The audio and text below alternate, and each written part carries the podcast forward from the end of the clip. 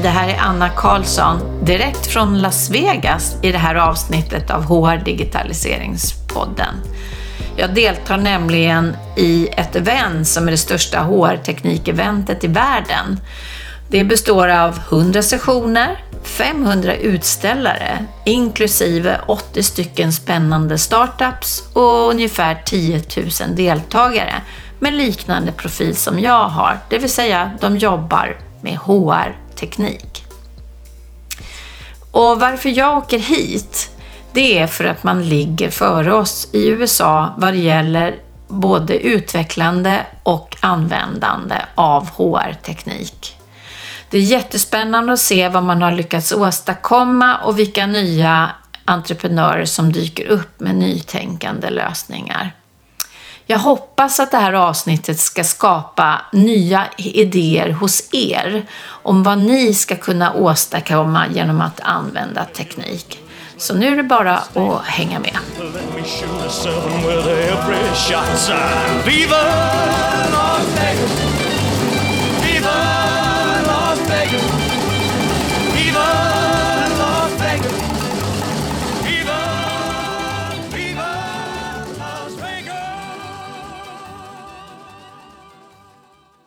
Ja, nu är första dagen av HR-tech avslutad.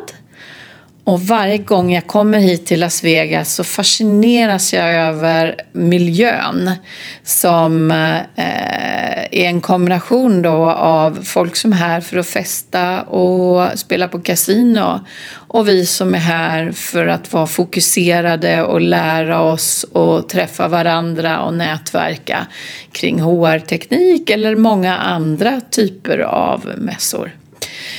Ja, ja. Eh, dagen har varit väldigt givande. Har, jag har haft fokus på eh, erfarenheter, det vill säga olika företags eh, erfarenheter när de har använt sig av teknik i olika former. Och det första jag tänkte berätta om är Hilton som eh, hade en session där de berättade om sitt teknik användande. Och eh, det är också flera som har pratat om det här, när man, att teknik är inte allt, utan det är oftast en kombination av teknik som möjliggörare för att skapa förändringar och jobba på nya sätt inom företaget. Och Hilton är ett exempel på det. De hade utmaningar med utflöde av personer, att de inte fick folk att stanna. De kände ingen tillhörighet till organisationen. Så då började de jobba med att eh, ta hjälp av eh, coaching för cheferna. Och den här coaching, coachingen innebar att alla chefer de fick eh, göra en assessment som kunde ta fram deras profil som de sen kunde matchas med en coach eh, som kunde jobba med dem en halvtimme varje vecka. Och det här har givit ett fantastiskt bra resultat. Eh, det som jag tycker är spännande är ju att det är en kombination av teknik och av coacherna. Och sen så har ju det lett till olika aktiviteter man har initierat som kommer ut av behoven som, som de här olika ledarna identifierar. Och att det är ett globalt program. De har verksamhet, vad sa hon, i 120 länder eller någonting. Och eh, det innebär ju att de också måste vara på olika språk. Hilton är bara ett exempel på företag som har pratat idag om sina olika erfarenheter. Andra kända namn är Walmart, Delta Airlines, Snyder och sen eh, en hel rad med andra företag som kanske inte är så kända för oss hemma i Sverige. Men det som jag tänkte på idag som är väldigt tydligt det är ju att från att bara på ett år så har man börjat eh, berätta om erfarenheter man har fått från att använda sig av artificiell intelligens. Så flera, eller de flesta av de som har pratat idag pratar om det. Eh, det kanske också var inriktningen på dagen men eh, eh, jättespännande att förra året nej, men då pratade man om AI-tekniken och vad den kan användas till. Och i år så är det erfarenheter hos olika företag. Och eh, man sa här också, som kanske inte riktigt stämmer hemma i Sverige, men eh, att på fem år så har det skett en stor förändring från att man bara har basdata till att man har mycket mer talangdata tillgängliga att arbeta med. För data är ju en grundkomponent när man ska jobba med artificiell intelligens. Men det som eh, de också tog upp det var liksom vad hade överraskat dem när de jobbade med artificiell intelligens? En, ett, en sak, eller den första saken var att det är bara ett verktyg som alla andra. Det är inget konstigt utan det är bara att lära sig att förstå att använda det eh, och få hjälp av den eh, som kan AI. Eh, sen det andra var att det är så otroligt många företag som har AI-baserade lösningar nu. Eh, så att de hade fått väldigt mycket samtal, speciellt nu när de skulle vara talare på, här på HR Tech från olika som ville hjälpa dem och lösa alla deras problem. Ehm, sen hade de blivit förordnade själva över rädslan från sina egna team. Och eh, det det är någonting som fortsätter trots att man vet att eh, det här är ju inte... Alltså det tar ju bort vissa saker som gör att man kan verkligen eh, jobba med andra saker. Och deras erfarenheter var också att människor hade fått mer kvalificerade uppgifter än vad de hade innan de använde sig av AI-teknik. En annan del som jag tyckte var jättespännande det var också att man då eh, blir mer öppen för nya kandidater, verkligen tänka nytt. För det här var ett rekryteringscase. Att de skulle, vågade eller kunde och hittade nya kandidater. Så de jobbade en hel del med matchning. Att inte bara låta kandidaten söka ett jobb utan kunna matcha personen mot mot andra öppna möjligheter. Eh, eller ha kvar dem som i en bank när det dyker upp möjligheter och kunna matcha ihop kandidater. Istället för att man alltid ska veta när man söker vad det är för typ av jobb. Och det är inte alltid man känner till det. En annan sak som också eh, dök upp flera gånger idag. Det handlar nog inte om tekniken utan kanske att tekniken hjälper oss och tänka på ett annat sätt. Och det är att alla pratar inte längre om anställda i form av grupper utan man pratar om att nu måste vi designa upplevelsen för varje individ. För varje individ är unik. Vi kan inte vi kan inte fortsätta att gruppera eller tänka på, på, på den typen av sätt utan man måste verkligen tillåta människor att få vara unika och få eh, lösningar och möjligheter eh, baserade på dem. Och det handlar ju om allting kring, bland annat så pratade man om eh, kompensation. Man pratade också mycket om hälsa. Eh, och då pratar vi eh, om hälsolösningar och hälsostöd. Det är ju både fysisk hälsa, psykisk hälsa och ekonomisk hälsa. Och man säger att det finns liksom inget, inget eh, så här ser det ut för den här gruppen utan varje individ är där unik i sina behov. Och det är det man måste hjälpa till med att kunna ha olika tekniklösningar som stödjer de här olika områdena eller kan man säga, de här alla olika individer på sitt unika sätt. Ehm.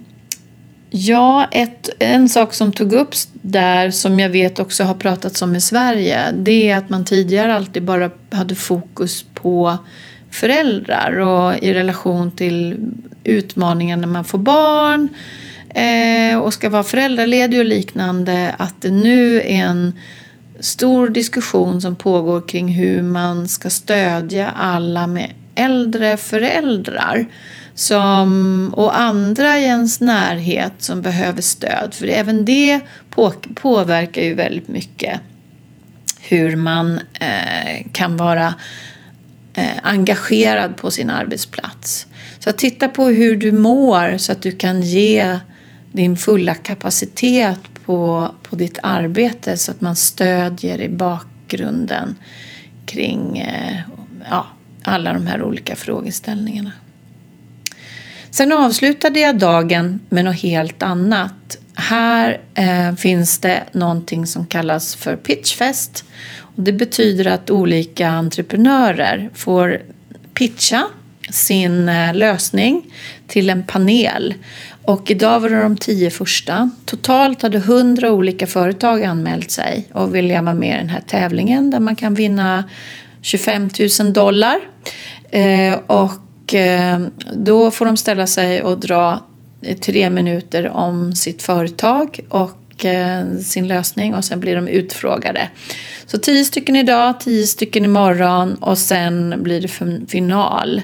Och jättespännande nytänkande lösningar. Så jag hoppas att jag kan återkomma lite om det eh, imorgon eller dagen efter. Vi hörs igen. HR, talent management, talent acquisition, and leadership, and became a recognized expert in the talent market.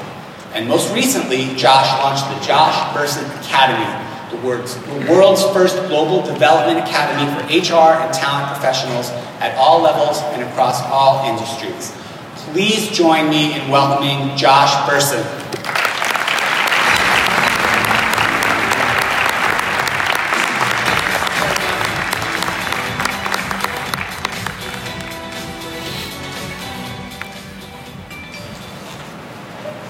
All right, I'm just appreciating the laser for a minute.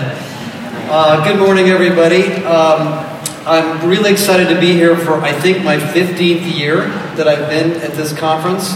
Um, and I understand there are 500 vendors here this year to just give you a sense of what's going on. And that's why I titled this talk Untangling of the HR Tech Market, because it is really a tangled web. Uh, there is a lot going on, a lot of companies, a lot of new segments, a lot of new technology, and I'm going to try to um, sort of sort it out for you this morning. And Steve was nice enough to give me uh, a little over an hour, so relax. Um, this is going to be like the 201 course, okay? Not the 101. This is the 201. You can get the 101 by walking through the, comp, I think, through, through the uh, expo hall and I'm going to take you through what I see going on in the space. Um, as Steve mentioned, I've been an analyst for you know a little over 20 years uh, in this space, um, and I have incredible uh, appreciation for the vendors that are part of it.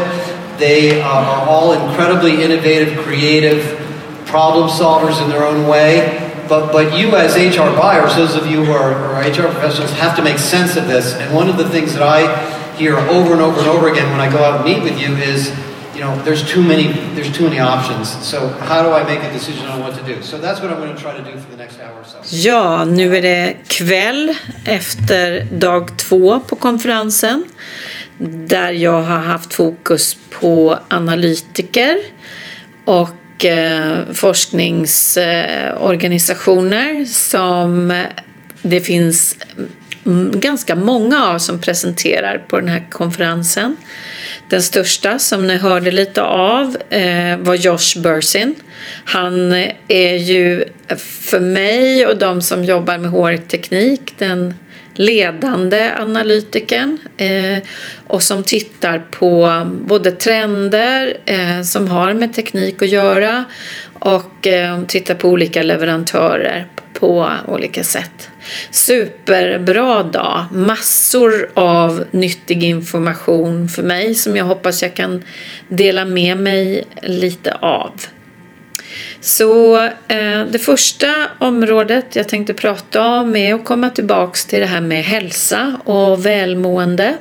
Nu är det uppe på VD och ledarnivå. Eh, man säger att för tio år sedan så var det bara i marginalen någonting kring teknik, eh, kring eh, stress eller liknande. Men nu är det verkligen längst fram. För företagens ledare är oroliga för att de saknar kompetens och de de har är inte tillräckligt Eh, aktiva och engagerade på jobbet. De saknar kreativitet och det här innebär minskad tillväxt. Och vad man ser i olika rapporter är att man har ökat produktiviteten men parallellt med att man har tryckt ännu hårdare på medarbetarna, det vill säga att de ska leverera än mer, så finns det fler och fler distraktioner Ehm, från både sociala medier och mobiler men också utifrån stress. Ehm, stress i, den, i, i medarbetarens hela liv. Ehm, så ledarna vill nu börja titta på hur man ska få bättre produktivitet genom att man kommer Eh, helt fokuserad på jobbet. Och då måste man tänka på ett annat sätt. Så den här eh, termen Employee Experience som jag pratade om i, min förra, i mitt förra avsnitt lite grann. Det tog han upp som, det, det är det som är modeordet men det täcker in så himla mycket. Det handlar ju om att medarbetaren då är i centrum, att man behöver jobba med medarbetarens Eh, Eh, syn ehm, och eh, mående på jobbet. Men också så är det så att man har sett att 50 procent av medarbetarna tycker att i princip att arbetsgivaren bryr sig inte om dem och de känner sig då inte engagerade och det är därför som våra medarbetarengagemangsindex är så låga över hela världen. Så det här behöver nu förändras. Det här är ju en fantastiskt glädjande nyhet för alla, tror jag, som jobbar på HR. Att få fokusera på utveckling och välmående och eh, att kunna vara engagerad på jobbet. Ehm, så eh, en av de saker som man då tog upp i samband med det här är både att det kommer otroligt mycket lösningar som fokuserar på området. Bland annat så ser, ser man att det kommer leverantörer som nu eh, tittar på både performance, teamengagemang eh, och medarbetarengagemang och belöningsmodeller i samma lösning så att man tittar fokuserat på det här. Eh, och det andra är att man säger att allt fokus bara på att lösa processerna kring HR är liksom gammalt och utdaterat utan det ska handla om att man tittar utifrån individen, den anställdes behov. Ja, så det var lite om det här och, och eh, det kommer då väldigt mycket olika lösningar som jag kommer komma tillbaks till lite grann kring lösningar för att eh, då jobba med stress i olika former, både den fysiska, psykiska och eh, ekonomiska stressen. Eh, och ja, då ska vi säga nästa område som, som togs upp var att eh, de här olika teknikleverantörerna nu, eh, de stora, de, är, de har svårare för att ta sig in på de här nya områdena. De kanske är lite för traditionella ska man ju inte kalla dem riktigt, men alltså för de har ju haft ett annat fokus och nu förändras marknaden. Eh, och vi ska inte tro att en leverantör löser allt utan man tror att man antagligen har eh, åtminstone 20-30 procent av sina behov måste täckas av annat än någon eh, full suite leverantör. Eh, dessutom nu så är det ju trend kring eh, gigekonomi, alltså du har kontraktsanställda, deltidskontrakt eh, i olika former. Och det här gör också en påverkan på de olika leverantörerna att de måste anpassa sig. Det finns några som har gjort det, men ganska få än så länge. Sen kommer det nya leverantörer, alltså de som kommer från talentsidan. De försöker då bredda sig över på mer eh, KRHR, alltså masterdatalösningar. En annan trend är att eh, artificiell intelligens som vi pratar om så mycket, det har nu börjat bli eh, en del av många lösningar, alltså mainstream, en, en, någonting som bara är en komponent eller, eh, och inte någonting som man tittar specifikt på. Utan det är mer att man, man använder sig av olika delar av AI och det kommer ett avsnitt på AI som vi kan bena ut vad det egentligen är. Men eh, det är inte längre det, om man tittar inte på AI utan på hur olika lösningar nu innehåller funktioner. Och de som gör det, de jobbar framför allt inom rekryteringsområdet med eh, att kunna jobba för, med fördomsfri rekrytering på olika spännande sätt. Det handlar också om att kunna jobba med inkluderande eh, ledarskap eller inkludering generellt. Eh, och även feedback och eh, coaching med hjälp av artificiell intelligens. Ett område till är medarbetare engagemangslösningar som har tagit ett tredje steg.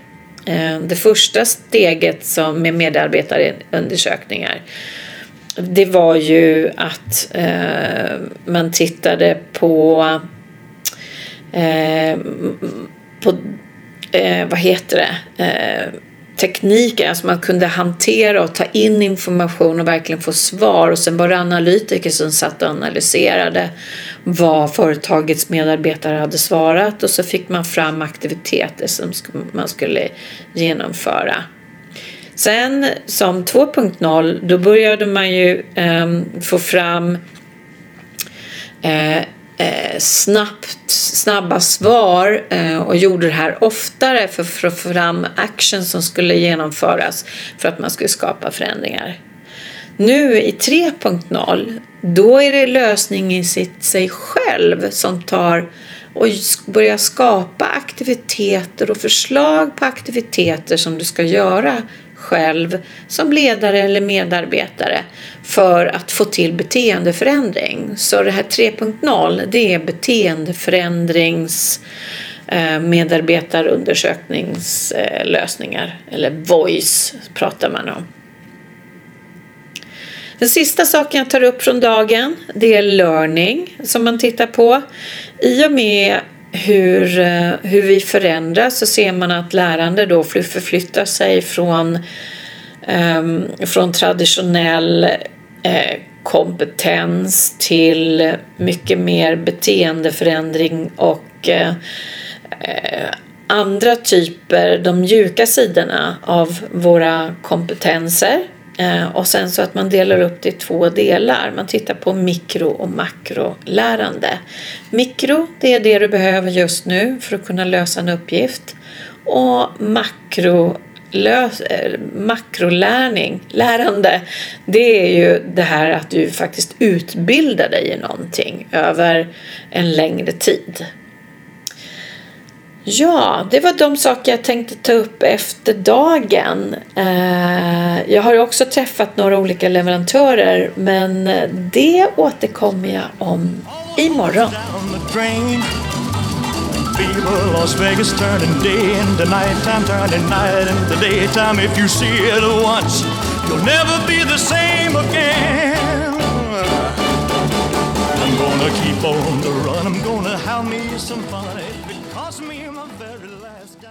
Nu är dag tre avslutat här och jag har vandrat runt och fått ont i fötterna och träffat massor av olika leverantörer.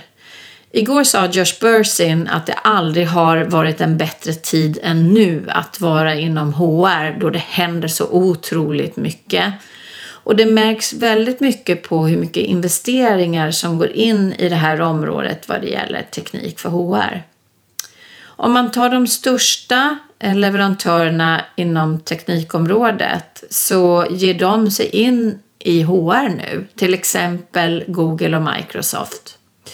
Man ser också att de stora HCM-leverantörerna gör eh, vad kan man säga, innovativa kom komponenter, komponenter inom sina egna lösningar.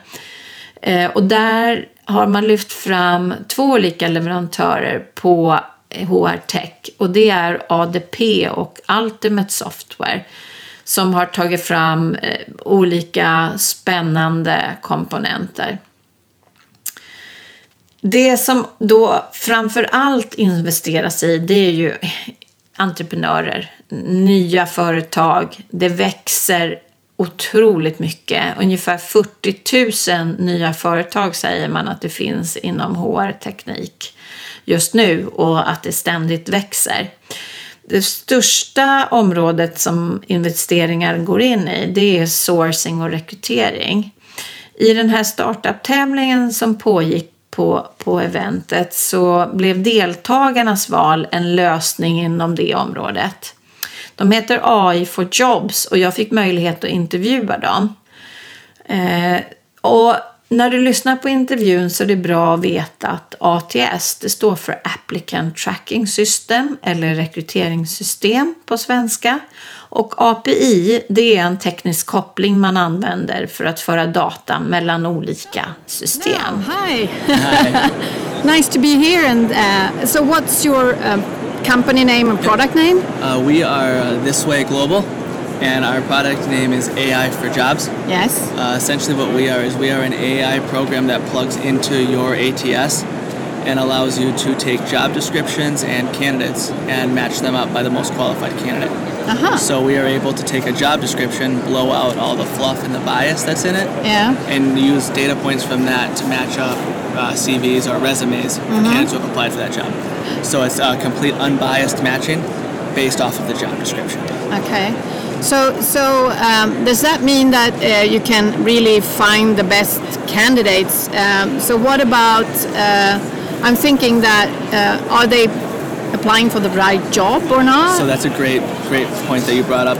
So we can match the best candidates based off of the job description. So the first part of that is the job description needs to be good because yeah, that's yeah. what we're using to match off of. Yeah. The second part of that is we can do something called all candidates to all jobs and all jobs to all candidates. Yeah. So what we can do is if you let's say you have an ATS with 5,000 candidates sitting in it that have applied for jobs in the past that you've never reached out to or never contacted. Mm-hmm, mm-hmm. We can take those candidates and match them up against the jobs that are open right now. Yeah. yeah. No matter what job they applied for. Okay. So if you were overqualified for one position, we might find another one that you're a good fit for. You're underqualified for what you applied for. You're actually a better fit for something else, but you you didn't apply for it or you applied for a wrong job. You can still get matched up against that position. So what kind of technologies? From AI are you using to do this? Is it language? Uh... So natural language learning, yes. ontologies. There's over 14,000 data points, so it's oh, actually very, very yeah, intensive. Yeah. yeah. But it's, it's cool stuff. So how are you doing with other languages uh, than English? We can work with, I think it's over 40 languages right wow. now. Yep. Because data points are data points, so yeah, it doesn't, it doesn't matter. Okay, yep. good. So what's the biggest challenge uh, um, for companies? Is it the job description not good enough, or, or can you do any type of company and we whatever can do quality? Any, any type of company. Yeah. Um, job descriptions has been one of the things that we run into. A lot of companies have old job descriptions yeah. and are what they're asking for and what they actually want aren't always perfectly aligned. Mm. Um, the other issue that we run into a lot is just that recruiters are overworked.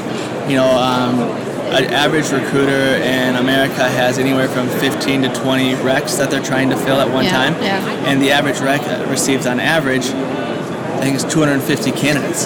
So that's a lot of resumes to read through. And it's not possible to go through all of them in detail like you should. So quality candidates are being missed. Yeah, yeah. And um, so that's really one of the biggest problems we can solve is make sure that a, a, company, a recruiter, gets a hold of the right candidate first. Yeah. So that, that's really where our value sits in there. I love this uh, solution. So, what kind of uh, ATS is? So, for the audience, applicant tracking systems. Yes. Yep. yep. Um, right. We're if they allow an API connection, we can work with them. Okay. Um, we are working on partnerships and growing that constantly. Yeah. But if there's an API, we can work. So, have you worked with any of the big ones so far? Yeah, we're with uh, Salesforce and a couple other large companies, Taleo, um, big ones like that. So yeah, Oh. as well as some of the smaller ones like Greenhouse uh, and that, that line too. So as like I said, it really comes down to the API connection. Yeah. If they allow an API connection, we can plug in with it. Yeah. Great. Thank you so much. problem. Glad Good meeting you. Yes. Ord som har förekommit och diskuterats väldigt mycket under den här veckan har handlat om inkludering, minskad diskriminering och dolda fördomar. Och det är ju precis vad AI for Jobs vill eh, hjälpa till med, det vill säga att man öppnar upp för matchning av kandidater på nya sätt. Men det har också varit flera verkligen nytänkande leverantörer på området som vill jobba med en förändring. Och eh, den som har haft mest påverkan på mig och jag tror alla de som var med på det seminariesessionen eh, det är Translator Company. Och de jobbar med eh, diskriminering och fördomar att få en självinsikt eh, och att kunna sen jobba med detta för att skapa förändrade beteenden. För diskriminering går mycket djupare än bara titta man, kvinna, svartvit och vad vi får för fördelar och nackdelar. Det finns så mycket dolda eh, händelser som vi inte är medvetna om. Och vad de har då gjort är bland annat att ta fram en app som, eh, som handlar om walk of privilege. Jag vet inte om ni har sett filmen på Youtube som visades. Den delades ganska fre- frekvent tidigare. Och det handlar ju om att man skulle ställa en massa människor med olika bakgrund på, på samma rad. Eh, och sen skulle man ta olika steg fram eller bak beroende på eh, hur man upplevde olika saker eller vad man hade varit med om i sitt liv hittills. Till exempel eh, om man Ja, om man hade haft mycket böcker hemma som liten, det vill säga hade haft förmånen att kunna läsa och ta del av det. Eh, och man skulle ta steg framåt om man var vit man, för det är väl den som har störst privilegier. Och man skulle gå bakåt i andra lägen. Det här har de åstadkommit med hjälp av en app som vi då fick prova. Och det eh, märktes att det påverkade hela rummet. Att de har verkligen fått igenom den här känslan. Otroligt spännande. Gå gärna in på deras eh, hemsida. Den andra lösningen den tar upp eh, kring när man blir eh, trakasserad på olika sätt och behöver hålla ordning på det här. Att man själv upplever att man har upplever någonting som inte är helt korrekt och man behöver spara bevis. Men jag tänker att de ska få berätta om det själva. Det är en hyfsat lång intervju. Så att jag tänkte säga tack för idag innan den börjar. Och vad kul att du ville lyssna. Och jag ser fram emot att djupdyka i alla de här ämnena som jag tagit upp här. Och en massa andra saker som jag inte hann med idag. Och dessutom så finns det fler intervjuer att dela med sig av. Och som vanligt så feedback och frågor till anna.hrdigitaliseringspodden.se hi.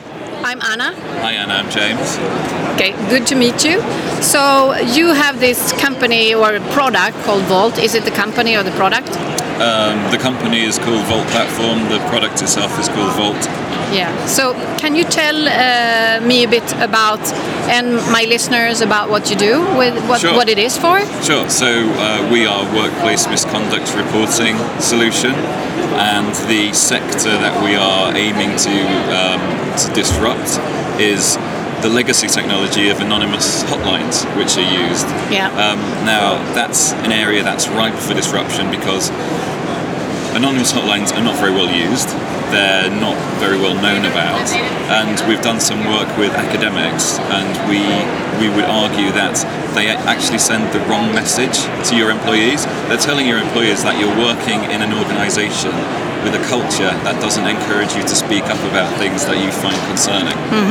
It's something that we want to deal with anonymously and over there rather than Ah, yeah. within the company itself.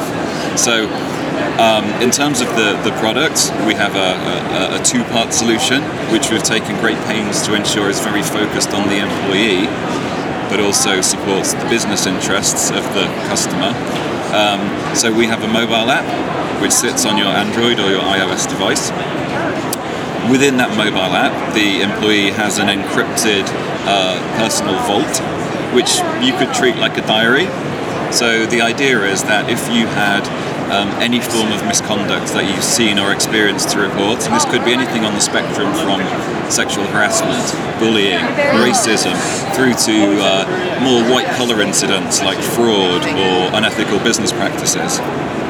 Um, we even have some customers in the sports area using it for like uh, bribery, cor- corruption, and match fixing Ah, yeah, I can understand which is an that, interesting yeah. use case.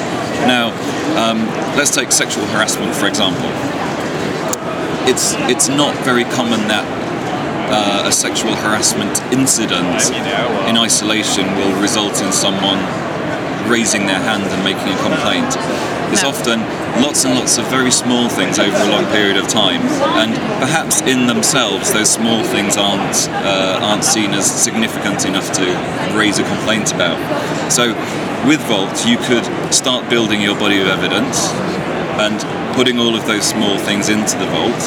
And then, even if, let's say, a year down the line you decide to turn that into an official report, you then have a time stamped proof uh, of, of evidence going back the previous year showing that you started building your, your incident report Yeah, yeah. some time ago.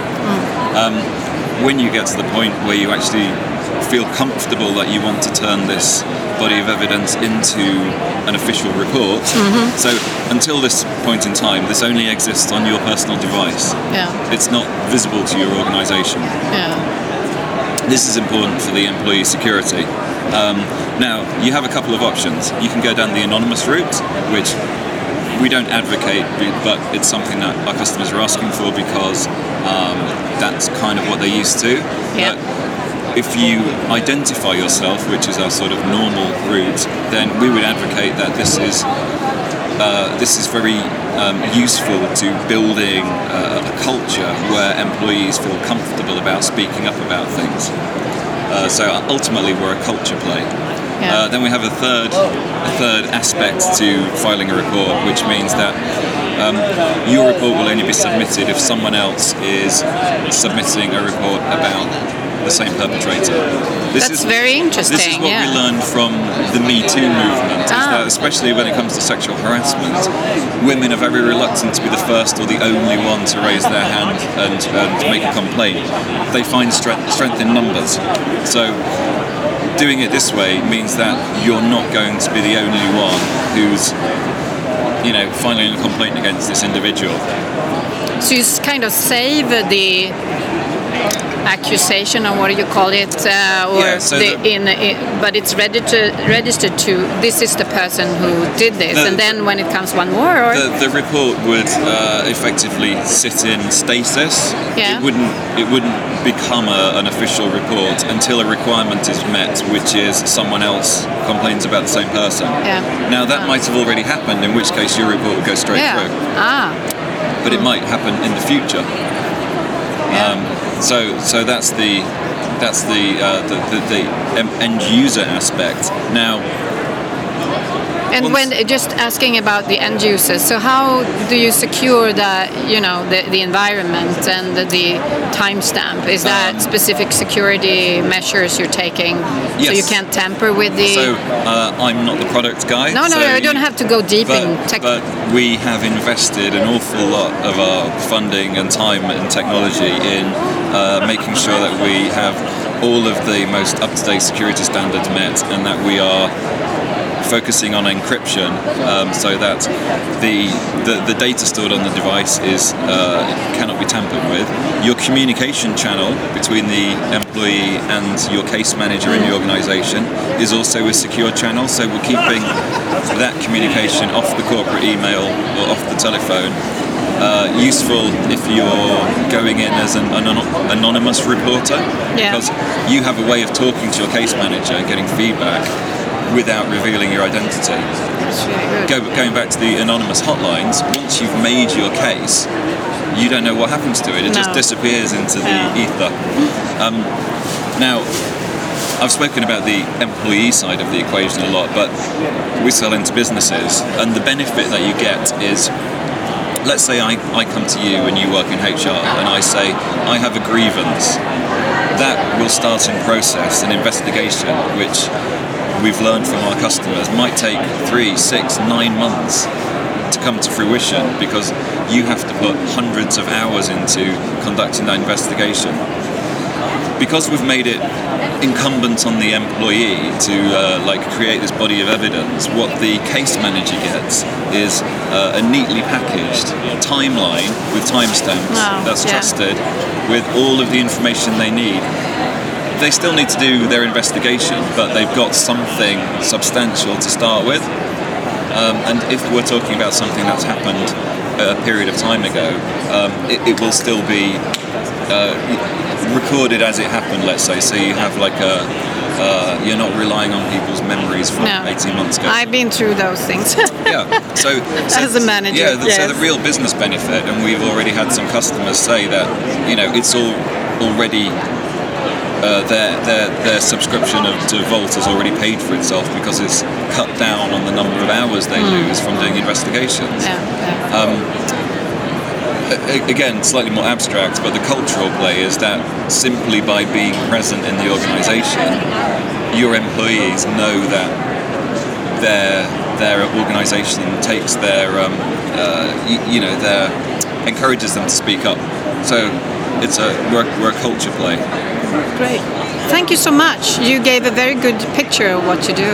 Thanks. Um, uh, just like to, to point out, of course, that, that there's also a dashboard reporting, Yeah. which means as an administrator, you can actually see, based on the data that we've collected and anonymized, uh, let's say the different types of misconduct that are most prevalent in your organization. Ah, it so might you be can, sexual yeah, harassment. yeah. Uh, it might be sexual harassment in the marketing department. So then you know where to tailor your initiatives Ah. in order to, uh, you know, target those various challenge areas.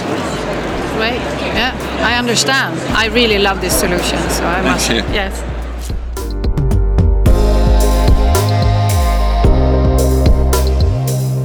För att du lyssnade på det här avsnittet av HR Digitaliseringspodden. Jag hoppas att du gillade det. Jag som driver podden heter Anna Karlsson och jag uppskattar all feedback samt alla förslag jag kan få på innehåll.